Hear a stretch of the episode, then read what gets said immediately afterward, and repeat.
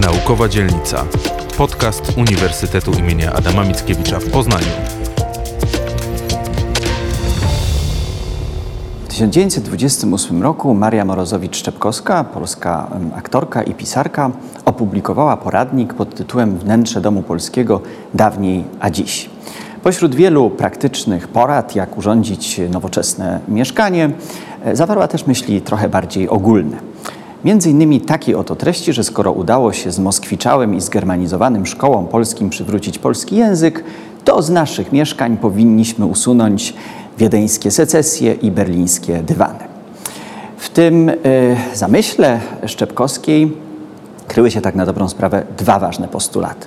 Z jednej strony, żeby urządzać się tym, co wyprodukowane w Polsce, co współczesne, co bazujące na krajowych materiałach, co w gruncie rzeczy także związane z rękodzielniczą kulturą ludową.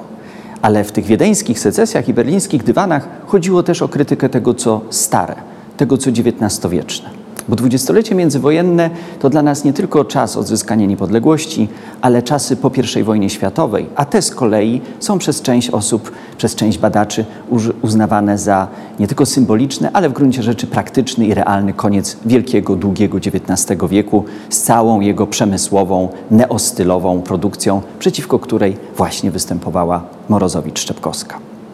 Zanim autorka zwróciła się do szerokiej publiczności, zanim rzeczywiście tego rodzaju tendencje stały się powszechniejsze w poradnictwie domowym, artyści, pedagodzy zdali sobie z tego sprawę kilka lat wcześniej. Dyrektor Józef Szczepkowski, e, szef Szkoły Sztuk Pięknych w Warszawie, późniejszej Akademii Sztuk Pięknych, podczas słynnego przemówienia inauguracyjnego w 1923 roku, zatytułowanego Sztuka stosowana, właśnie mniej więcej o czymś takim mówił, uważając, że to polski dom jest miejscem, w którym powinna nastąpić integracja sztuki wysokiej, a więc malarstwa, rzeźby i sztuki stosowanej, czyli tego, co później zaczęliśmy określać mianem wzornictwa lub zupełnie współcześnie designu.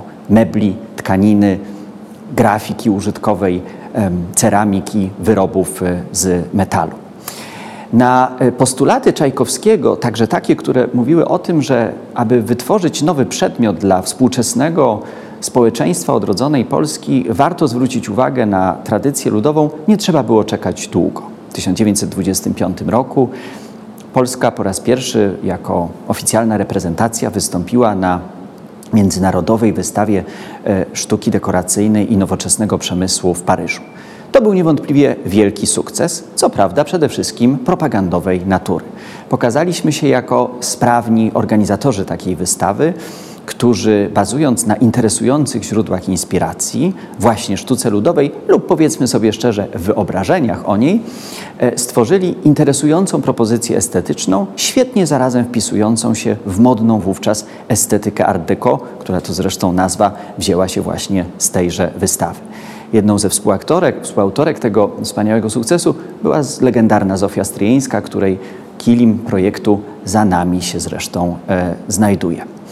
Problem jednak e, z sukcesem tej wystawy polegał na tym, że trudno było e, zaprezentowane tam meble, tkaniny, ceramikę, wyroby metalowe zamówić, e, wyprodukować w większej liczbie. Były one po prostu stworzone jako obiekty wystawiennicze w pojedynczych egzemplarzach.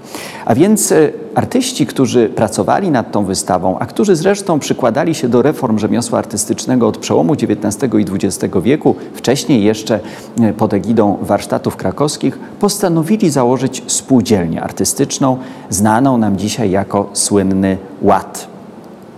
Prosta nazwa, zrozumiała, zresztą jak powiedział jeden ze współzałożycieli, Karol Tichy, ma być ładnie i ma być w tym ład. Artystom chodziło przede wszystkim o to, aby utrzymać świetny surowiec, doskonałą formę i znakomite wykonawstwo. Udało im się to niewątpliwie, choć trzeba powiedzieć szczerze, że w dosyć ekskluzywnej, em, niskoseryjnej wersji. Przedmioty, które projektowali artyści, em, były niewątpliwie znakomicie wykonane. E, w sposób interesujący odnosiły się do tradycji ludowej, ale także tradycji staropolskiej, ciekawych e, form biedermajerowskich czy też stylów e, historycznych, dając im nową, współczesną wersję.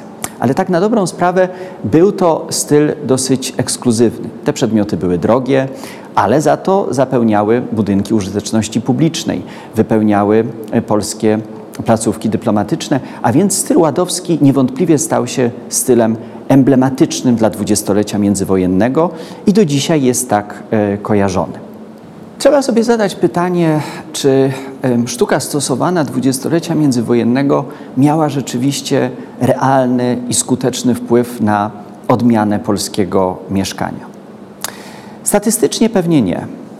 Przedmioty były kosztowne, dla części społeczeństwa nie, nie realizowały wyobrażenia o tym, co znaczy dostatek, co znaczy elegancja.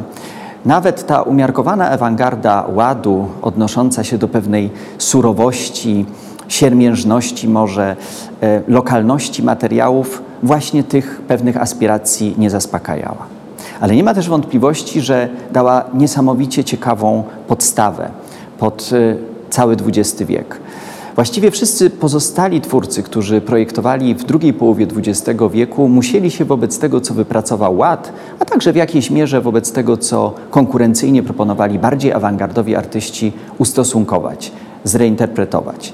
Niewątpliwie ten czas i namysłu, i praktyki artystycznej, i znakomitych sukcesów, może przede wszystkim wystawienniczej natury, to był znakomity fundament dla polskiego wzornictwa drugiej połowy XX wieku, a w zasadzie także czasów współczesnych.